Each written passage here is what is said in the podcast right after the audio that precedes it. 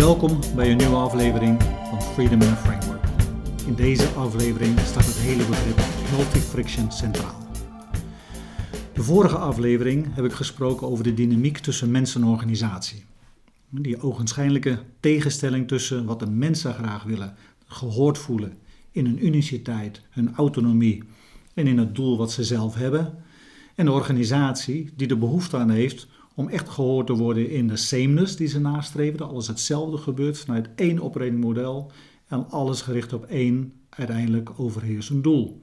En de tegenstelling die dat geeft en die ook nodig is uh, om als, die, waar je als leider mee moet werken om die te overbruggen. Ik gaf daarbij ook aan dat als je al dat veel leiders zich richten op die sameness van de organisatie, op dat ene operating model, dat ene doel en zich te veel daarop richten en te weinig aandacht hebben op het gebied wat mensen nodig hebben.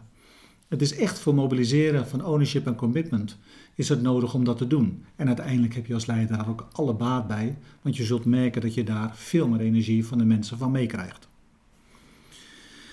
En daarvoor, om dat te doen, is het nodig om aandacht te geven aan het begrip wat die twee elementen tussen mens en organisatie, die ogenschijnlijke tegenstelling, overbrugt en verbindt. En dat is dat ze allebei een van nature neiging hebben en een van nature behoefte hebben om te groeien. Mensen willen groeien.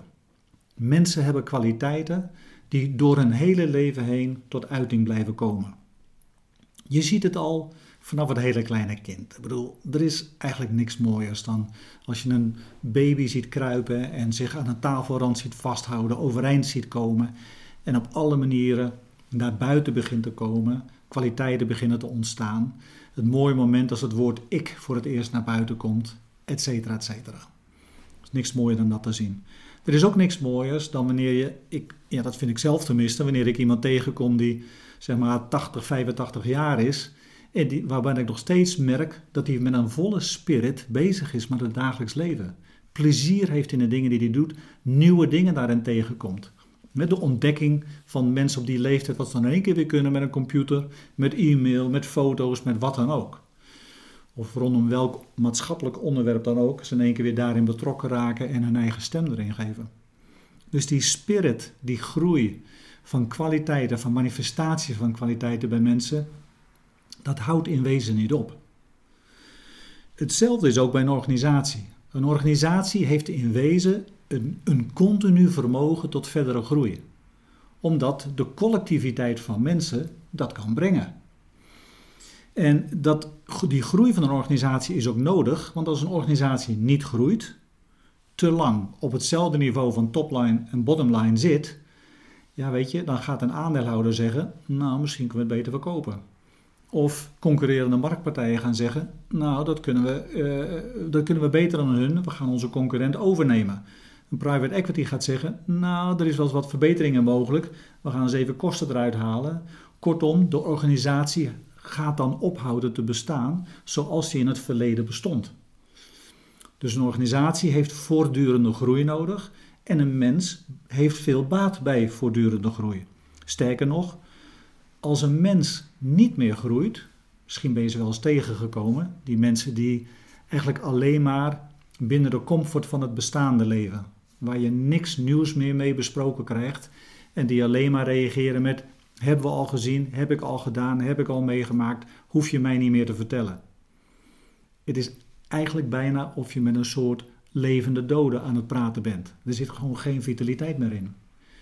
En nogmaals, met een organisatie op het moment dat dat naar voren komt, dan zie je ook alleen maar stagnatie. Wat ik in organisaties gezien heb, is dat als er onvoldoende groei is, dat het te vaak uh, eenzijdig wordt benaderd vanuit kostenverbetering. De kostenverbetering wordt dan ook nog een keer vaak eenzijdig benaderd als een soort doel op zich. Wat mooi zou zijn, is als je natuurlijk naar kosten kijkt. Je moet in een organisatie naar kosten kijken. Uh, want uiteindelijk is de hele kostpositie is basis voor je hele concurrentiepositie. En hoe scherper je ook op de kosten kunt sturen, en als je dat echt goed doet, hoe beter je ook de, zeg maar, de grond vruchtbaar kunt maken voor de groei van je organisatie. Dus wat ik altijd probeer aan te reiken aan een leider die een context wil meegeven voor het mobiliseren van ownership en commitment, is zorg dat je een qua organisatieopzet een vruchtbare context hebt. Nou, daar ga ik in een latere serie podcast nog veel verder op in. Voor dit moment is het belangrijk ook om te zien wat er gebeurt op het moment dat je als organisatie je te lang, te eenzijdig richt op het, um, op het nastreven van alleen maar een lage kostbasis. Zonder dat je kijkt hoe je dat als instrument voor groei kunt maken. En ik kan je dat het beste illustreren aan de hand van een voorbeeld. Een heel aantal jaren al geleden ging ik samenwerken met een CEO, opnieuw net benoemd in een organisatie. Ik kende hem al langer. En hij vertelde me dat hij de opvolger was uh, van iemand die daar tien jaar was geweest. En die tien jaar lang, ook op verzoek van de aandeelhouder, maar tien jaar lang op een zeer succesvolle manier bezig was geweest met het uh, reduceren van kosten in de organisatie. Dat had zich ook getoond in de cijfers. Topline was over die tien jaar vrijwel continu op hetzelfde niveau gebleven. En bottomline was aanzienlijk verbeterd. Tien jaar lang kostenreductie. En hij was nu benoemd in die positie en zijn uitdaging was om groei te brengen in die organisatie. Hij was inmiddels een drie kwart jaar bezig en hij zei van, eigenlijk, het is heel raar, maar wil jij ook eens mee rondkijken, want wat is hier aan de hand? Ik ging interviewen, heb daar zo'n kleine 30 mensen gesproken in een serie interviews. En wat voor mij ook heel bijzonder was, is dat mensen geen idee meer hadden hoe je in deze organisatie groei zou moeten brengen. Het enige waar ze inmiddels na tien jaar focus op kosten op gericht waren, was op alle mogelijke manieren het verbeteren van een kostpositie. Dus ik bedoel, het enige ook wat ze gewend waren geweest was, als je iets nieuws wil, dan betekent dat je iets anders eruit moet halen wat nu duurder is. Uh, als je iets wil doen, moet je het ongelooflijk kunnen rechtvaardigen in de kosten. En je werd continu beloond uh, op alle mogelijke manieren op het moment dat je een kostenreductie naar voren bracht. En dat betekent ook dat als je echt keek naar de, het functioneren van deze organisatie, dat hij zo scherp aan de wind zeilde op kostengebied dat al het vet van de botten af was en de organisatie ultiem scherp zeilde. Tegelijkertijd, wat dus heel bijzonder was, is dat de mensen die daar met elkaar werkten geen idee meer hadden hoe ze met elkaar de groei moesten bewegen. Op dat moment heb ik daar een begrip geïntroduceerd en zijn we aan de slag gegaan met een begrip wat groei stimuleert. En dat begrip is healthy friction, gezonde frictie. En voordat ik het nader illustreren, wil ik je uh, ook even meenemen weer in een voorbeeld om je te laten zien waar dat begrip vandaan is gekomen. Ik werkte met een bedrijf uh, waar ik vele jaren mee gewerkt heb. En in dat bedrijf was op dat moment waar ik nu over spreek, was er weer een managementteam workshop. En in die managementteam workshop zat voor het eerst een net nieuw benoemde sales director. De andere managementteamleden waren al langer gewend ook aan de MD van het bedrijf. En de managing director, ik ken hem ook al langer, is iemand zeer voortvarend, zeer sterke eigen ideeën, zeer sterke eigen mening, die weliswaar de andere mensen behoorlijk meenamen, maar de andere leden van het managementteam waren overwegend onder de indruk van hem. En behoorlijk geneigd om te luisteren, ja te knikken en mee te gaan. En ik zat al wat langer zelf ook met het idee van hoe krijgen we wat meer beweging in het gesprek. Want ze zijn eigenlijk te meegaand met de MD. Die moet wat meer weerwoord hebben. Was zomaar mijn gut feel. Ik had er ook al wel met de MD over gesproken en die was er wat ambivalent tegenover. Aan de ene kant had hij het wel graag, aan de andere kant vond hij het zo ook wel prettig. Dus het was een beetje dubbel.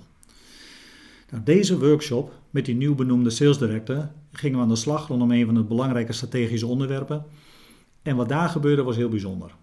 Want de MD gaf weer zijn ideeën uh, hoe die voorwaarts wilde. En die net nieuw benoemde sales director ging er finaal tegenin. Finaal een ander perspectief, zette zichzelf volledig neer en daagde de MD uit om echt te komen met zijn overwegingen waarom hij eigenlijk dit belangrijk vond. En dat riep in eerste instantie heel veel weerstand op bij de MD.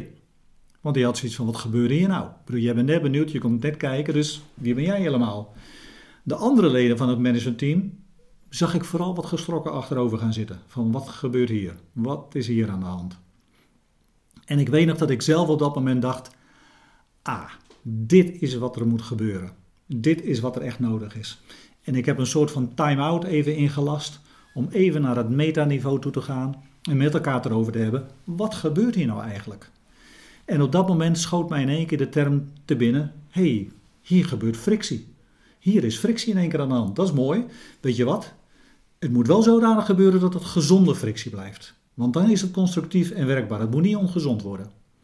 En daar zijn we begonnen met elkaar om het hele begrip van de gezonde frictie te introduceren. En over dat begrip van gezonde frictie wil ik jullie volgende keer meenemen over wat nou eigenlijk die healthy friction precies inhoudt.